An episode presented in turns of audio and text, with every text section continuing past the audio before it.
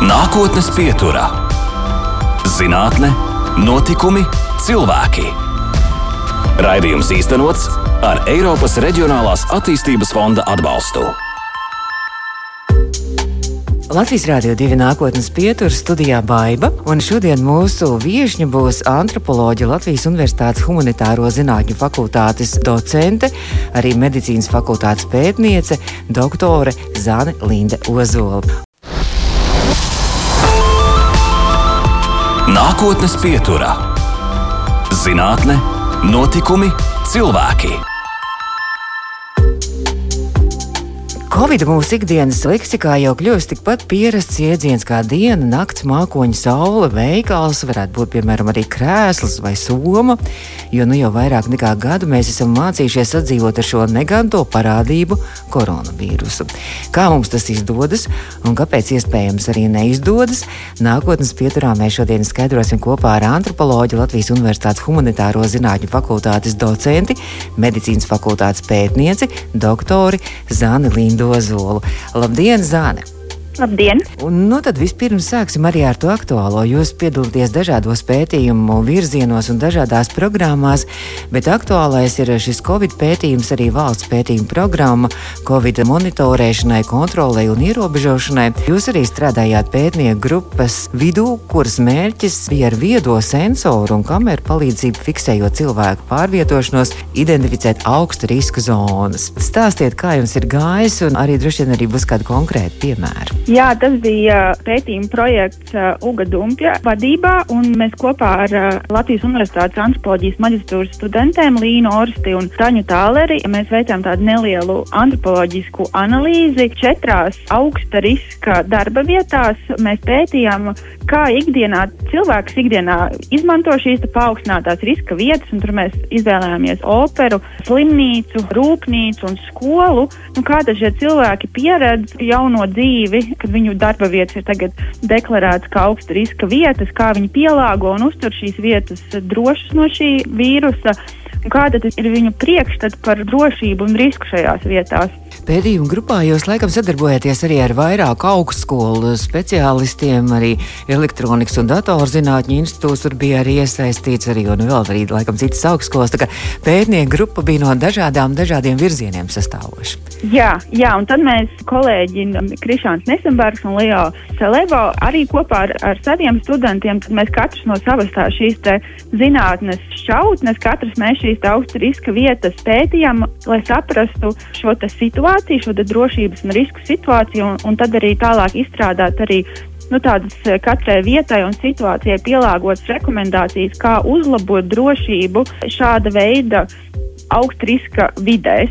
Tad mēs sniedzam arī šo targetisko saiti un arī esam sadarbojušies ar šīm četrām vietām, nepārtraukti mēģinot saprast, kas ir tas, ko mēs varam uzlabot ar, ar šīm te, vai no nu šīm antropoloģiskām zināšanām, vai arī ar šīm te tehniskām zināšanām, vai arī ar jau ļoti skaidrām epidemioloģiskiem ieteikumiem, kā palīdzēt. Zani, ja jūs varētu noraksturot arī mazliet to pētījumu gaitu, arī to praktisko pusi, kāda tas sākās, tad šie datorikas speciālisti izvietoja dažādās vietās arī šajā strādājās rūpnīcā, operā, kur vēl bija skolā. Slim, skolā, skolā diemžēl, tehniskie zinātnieki netika, jo skolas tik ļoti ātri aiztaisīs ciet.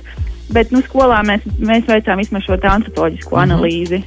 Nu, tad vispirms tika izvietot kaut kāda sensora. Kā tas viss izskatījās tā praksē? Par, varbūt par to daļu droši vien mani zinātnieki kolēģi varēs pastāstīt, bet, bet kopumā šī bija tāda laba sadarbība un, un interese jā, par šīm te tehnoloģiskajām iespējām, ar sensoriem, ar, ar privātumu saglabojošām kamerām, kas mēra šo attālumu starp cilvēkiem, lai identificētu nu, tādas vietas, kur varbūt cilvēki pulcējās vairāk un kā viņas varētu pēc tam pārkārtot vai pārorganizēt, lai, lai novērstu šo inficēšanās uh, risku. Bet, uh, bet jā, kopumā šī bija mums visiem jauna pieredze, bet arī pats Covid pandēmija mums uh, dažādos veidos arī bija izaicinājums, lai mēs varētu kaut nedaudz būt klātienē, tāpēc vajadzēja ļoti daudz lietas organizēt arī attālināti.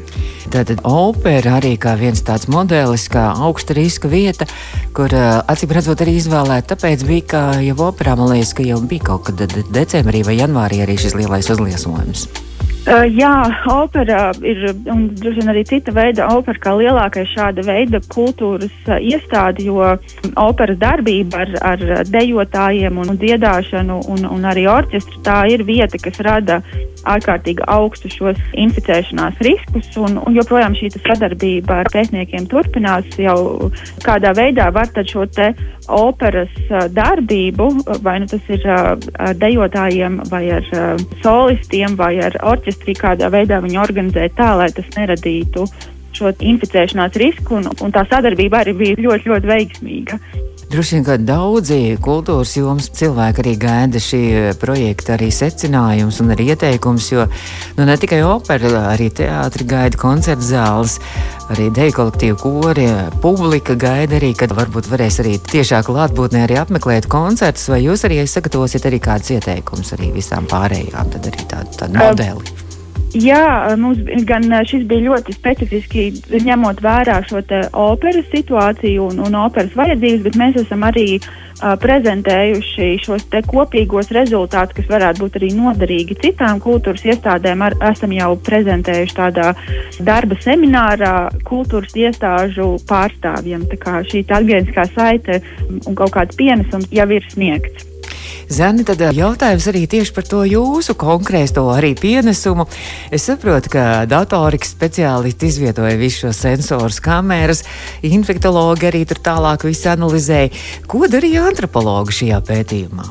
Mm -hmm. Jā, mūsu interese bija par cilvēku šo ikdienas pieeju un, un viņu priekšstatiem par šo drošību un risku, jo mums arī bija pārliecība, ka augstu riska vidē esošie cilvēku balss un viedoklis un pieredze ir jāņem vērā, lai, nu, lai nepieļautu, ka viņi ir tikai tādi pasīvi pētījumi vai politikas prasības subjekti. Tāpēc ir ļoti svarīgi izmantot šo viņu viedokli un redzējumu dažādos pētījumos, pasākumos, kur mērķis ir novēršot pandēmiju. Un tas, ko mēs identificējām, redzējām, ka, ka cilvēki, lai gan šīs tā, četras darba vietas tika definētas kā augsta riska vietas, ka, ka paši pētījuma dalībnieki, cilvēki, kas ikdienā tur pavada laiku, šīs vietas neuzskata kā nepārāk augsta riska vietas, un tas mm. ir lielā mērā saistīts ar to, ka pirmkārt darba vieta mums lielai daļai ir kā otrās mājas, un mājas lielai daļai no mums ir šī drošības sajūta. Un, un šīs te, ciešās attiecības ar kolēģiem un tās vidas pazīstamība un drošības sajūta, viņi neļauj iztēloties šo vidi un šos kontaktus ar kolēģiem kā tādas potenciāli bīstamas vīrusu izplatībai, bet drīzāk tādas svešas vietas un sveši cilvēki, tiek iztēlot vairāk kā tādi riskanti, un tad šajos brīžos tie piesardzības pasākumi šķiet saprotami. Un tas bija šis viens tāds informācija un zināšanas, ko, ko tad var izmantot, ka, kad ir par šo, šiem priekšmetiem ir jārunā un jāatgādina, ka ilgstošs kontakts ar tuviem cilvēkiem var būt tikpat bīstams kā ar svešiem. Un tad tā distance ievērošana un citi piesardzības pasākumi ir veids, kā rūpēties arī par nu, par saviem kolēģiem, saviem tuvākajiem cilvēkiem arī darba vidē. Bet tas nozīmē, ka mēs vairāk nekā gadu jau esam ar šo vīrusu spiesti sadzīvot, bet tas nozīmē, ka joprojām mēs neprotam uzvesties, vai, vai mēs tiešām, kā saka, esam noguruši un mēs vairs neievērojam arī tik eh, ļoti cītīgi šos ierobežojumus. Tas droši vien ir ļoti dažādi, bet uh, ir pilnīgi skaidrs, ka, un to rāda gan šis pētījums, gan arī daudz citi, ka, ka vid, cilvēki ļoti bieži iztēlojās, ka citi cilvēki uzvedās un pārkāpj vairāk, un mēs ļoti bieži minimalizējam savus kādus pārkāpumus. Šajā pētījumā mēs arī identificējām, uh, nu, kas ir tie būtiskākie šķēršļi, kas, kas neļāva uzturēt šīs vietas droši un cilvēkiem justies droši, gan subjektīvi, gan tādā objektīvā izpratnē. Un viens bija tas, ka šīs visās četrās darba vietās šī drošas distancēšanās iespējamība bija lielākais izaicinājums. Un, un tad uh, tie piesardzības pasākumi, kuri tika pieņemti kā visvieglāk izpildāmie, nu, piemēram, roku dezinfekcija vai virsmu dezinfekcija vai masku nēsāšana tika biežāk praktizēti.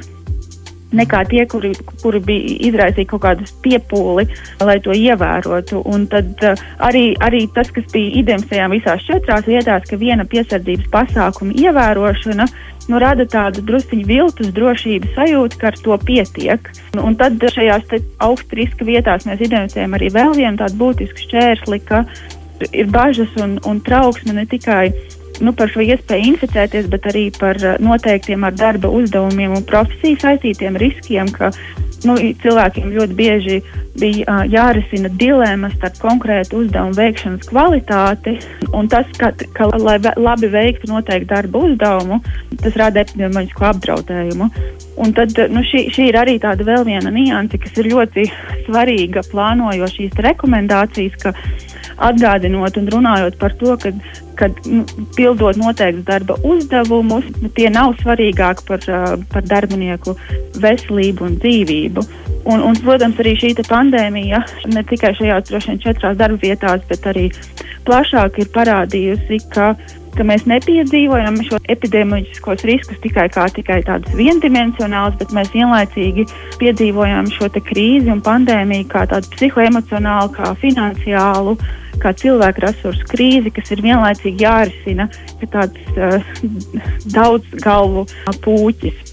Mēs turpināsim pēc brīža mūsu sarunu, un mūsu nākotnes pieturas viesiņa šodien attālināti, protams, antropoloģija Latvijas Universitātes humanitāro zinātņu fakultātes docente, arī medicīnas fakultātes pētniece, doktora Zāne Linda Ozola.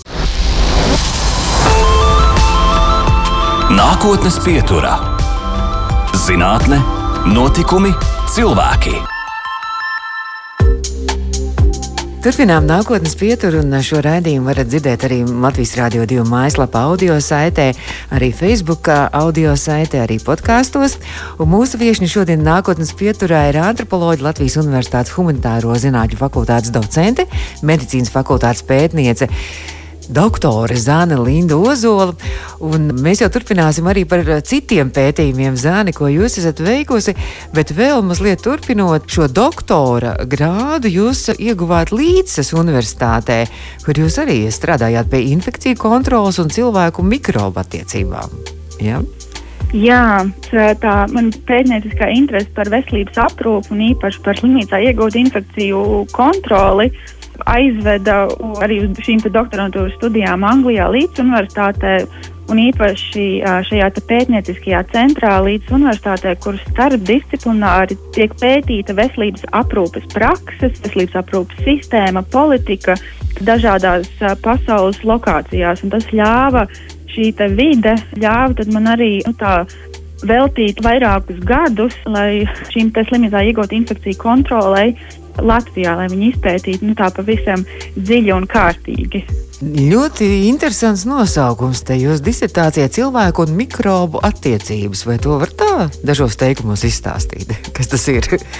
Jā, un tas lielā mērā saistās ar, ar mūsu Latvijas īpatno situāciju, ka slimnīcā iegūt infekciju kontroli mums ir tāda pielādēta ar dažādiem šīm padomu laika traumatiskajām pieredzēm, un, un šis mums ir ļoti sensitīvs uh, tēma, par ko nelabprāt cilvēki runā. Un tāpēc šīs uh, doktora studiju ietveros es meklēju nu, tādu jaunu teorētisku perspektīvu vai, vai skatu punktu, kas ļauj paskatīties uz tiem mūsu priekšstatiem un praksēm no malas un ieraugot kādu specifiskumu, nu, kas uh, bieži vien tiek uzskatīts nu, par tādu pašsaprotamu. Pētot šo infekciju kontroli caur šo, kā mēs iztēlojamies attiecības ar mikrobiem, ļāva nedaudz citām acīm paskatīties it kā uz tādu pašsaprotamu un, un pierastu un ikdienišķu praksi, kā infekciju kontrolas slimnīcā, ar cita veida acīm.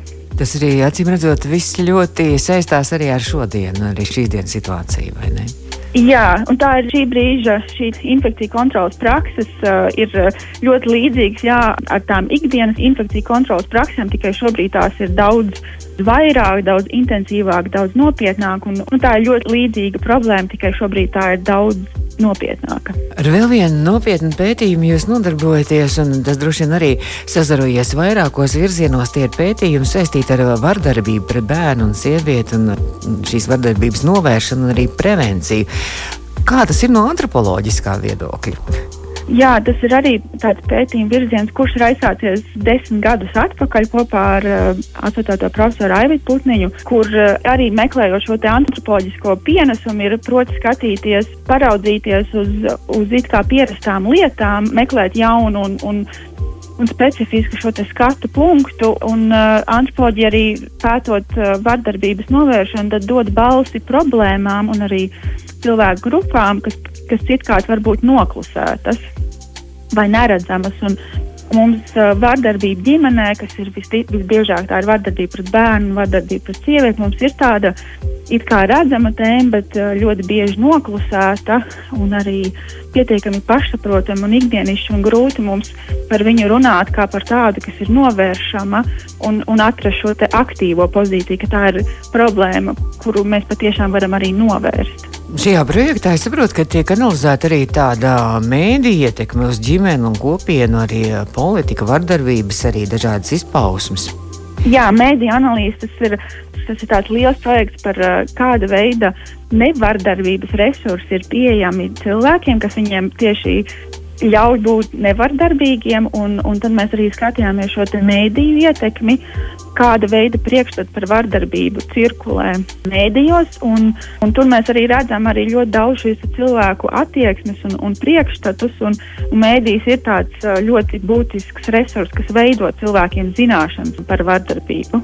Viens no mēdījiem arī mēs varam kā pozitīvu droši vien piemēru arī minēt Latvijas Rādio 5, 5 LV ar šo akciju dot 5 decembrī, kas notika. Ja? Jā, tā bija brīnišķīga akcija, labdarības šī maratona akcija, kas pievērsta pievērsa īpašu uzmanību vardarbības ģimenē novēršanā Un tas ļāva atkal parunāt un mēģināt atrast šo aktīvo pozīciju tam, lai palīdzētu vardarbībā cietušajiem sievietēm un bērniem izrauties no šīs vardarbības situācijas. Runājot par tuvāko pagātni, tad saprotu, ka aprīlī arī notika tāda konference, varētu teikt, kur tika izstrādāts un prezentēts ceļvedis specializētu atbalstu pakalpojumu izveidēji no vardarbības cietušām sievietēm un ģimenei, kur jūs arī piedalījāties. Ja? Jā, tas bija kopā ar uh, Eiropas padomi un, un kopā ar, uh, starptautisko eksperti Dikiju Džeimsu un arī centra Mārta vadītāju Ilut Lāci, kur mēs analizējām uh, un veidojām nu, tādu ceļa karti, kāda veida specializētos pakalpojumus ir nepieciešams Latvijā veidot, lai pēc iespējas efektīvāk varētu palīdzēt uh, vardarbībai ģimenē cietušajiem un īpaši no vardarbības cietušajām sievietēm, uh, lai tie pakalpojumi būtu upuru vajadzībās balstīts un būtu patiešām ar, ar ļoti labiem rezultātiem un arī spētu šīm, šīm sievietēm izrauties no vardarbības un atlapt. Jūs droši vien arī esat pētījis un kontaktējusies arī ar citu valstu zinātniekiem, kāda Latvijas vieta ir šajā visā situācijā, vai, vai visā pasaulē tam līdzīga vardarbības jomā situācija, vai, vai Latviju mēs kaut kādā veidā varam arī izcelt kā izņēmumu. Es noteikti vēlētos Latvijas gadījumā izcelt, ka mums ir ārkārtīgi spēcīgas dažas nevalstiskās organizācijas, kas par spīti daudziem šiem sarežģītajiem faktoriem ļauj uh, gan bērniem, gan sievietēm sniegt augstas kvalitātes vajadzībās balstītu, ilgstoši atkarībā no cilvēku vajadzībām un, un, un viņu konkrētās specifiskās situācijās sniegt pakalpojumus un atbalstu. Un mūsu vardarbības novēršanas teikt, lauks Latvijā būtu daudz nabadzīgāks, ja nebūtu šo nevalstisko organizāciju, kā jau pieminētā centrs Marta, tāpat Dārdedze, laikam. Dārdedze, papārdiedze, kas arī darbojas tomēr arī šajā prevencijas jomā.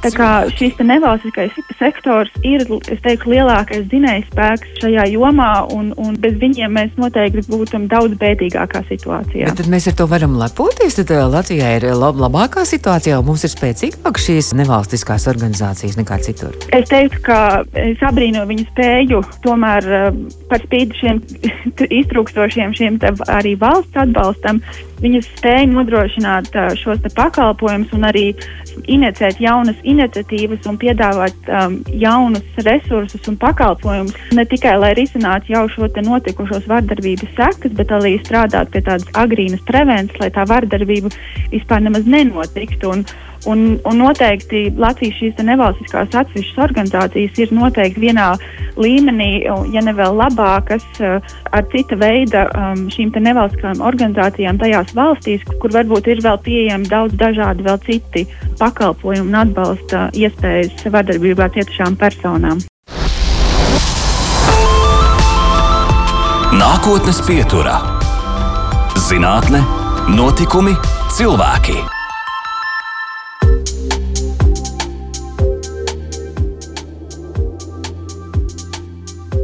Mēs turpinām nākotnes pieturu, un mūsu viesne šodien ir Latvijas Universitātes Humanitāro zinātņu fakultātes docente, medicīnas fakultātes pētniece, antropoloģe Zane Linda Ozola. Un Zane, jūsu darbs un jūsu, gribētu teikt, radošā tā darbība ir sazarojusies tik daudzās jomās, ka mums ir droši vien jāpaspēj ļoti ātri un īsi vēl pastāstīt vēl par vienu tādu interesantu projektu, kurā šobrīd jūs arī esat iesaistījusies no antropoloģiskā viedokļa par ilgspējīgu antibiotiku lietošanu, kas arī acīm redzot ir ļoti, ļoti aktuāls arī mums šeit Latvijā.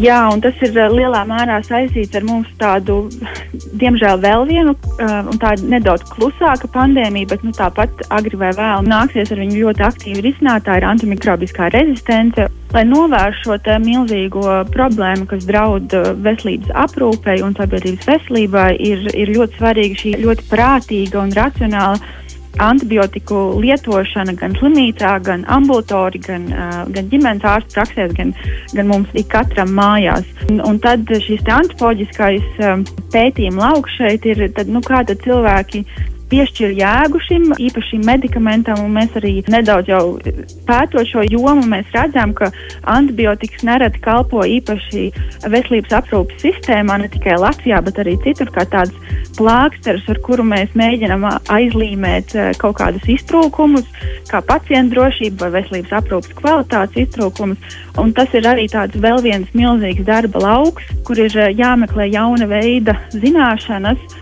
un risinājumi, bet tie ir iespējami. Tā nu mēs esam īsi ieskicējuši visus jūsu uh, darbības virzienus un projektus daudzos, kuros jūs darbojaties. Zāne, mums rādījums strauji tuvojas izskaņai, bet gribēju vaicāt, nu tā kā šodien ir sestdiena, vai uh, jūs arī klausītājiem varētu ieteikt arī, ko darīt atpūtai un kā mazliet atslēgties no visām problēmām, no vīrusiem un no vispārējā, kā jūs pati izklaidēties, kā jūs pati atpūšaties. Un... Es vēlētos, ja es varētu tā vairāk par šo pastāstīt, jo tā, ar to atpūtu man labi neveicās. Uh, bet uh, tas, ko uh, es vēlētos ieteikt, un ko es arī pati mēģinu tā vairāk pie tā piestrādāt, ir uh, šīs ļoti apzinātās pastaigas uh, mežā.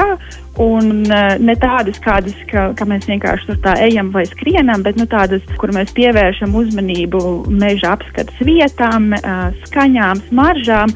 Un šeit es gribētu teikt, ka te ir arī šī praksa, kas ir aizgūta kā tāda apzināta veselības uzturēšanas Un fiziskās un garīgās mm. veselības stiprināšanas praksa tā ir no Japānas, kur 80. gados viņi nosauc viņu par meža peldēm vai meža terapiju.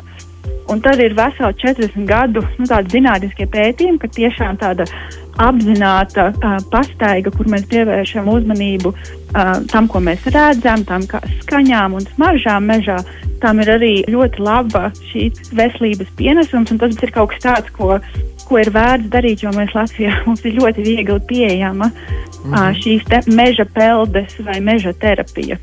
Tad negar jūru staigāt, nepastaigāties pa vecrīgu, tagad, kas ir skaistā laikā, sestdienās pārpildīta ar cilvēkiem un pilna, tad labāk doties kaut kur uz mežu un baudīt meža peldi. Ja?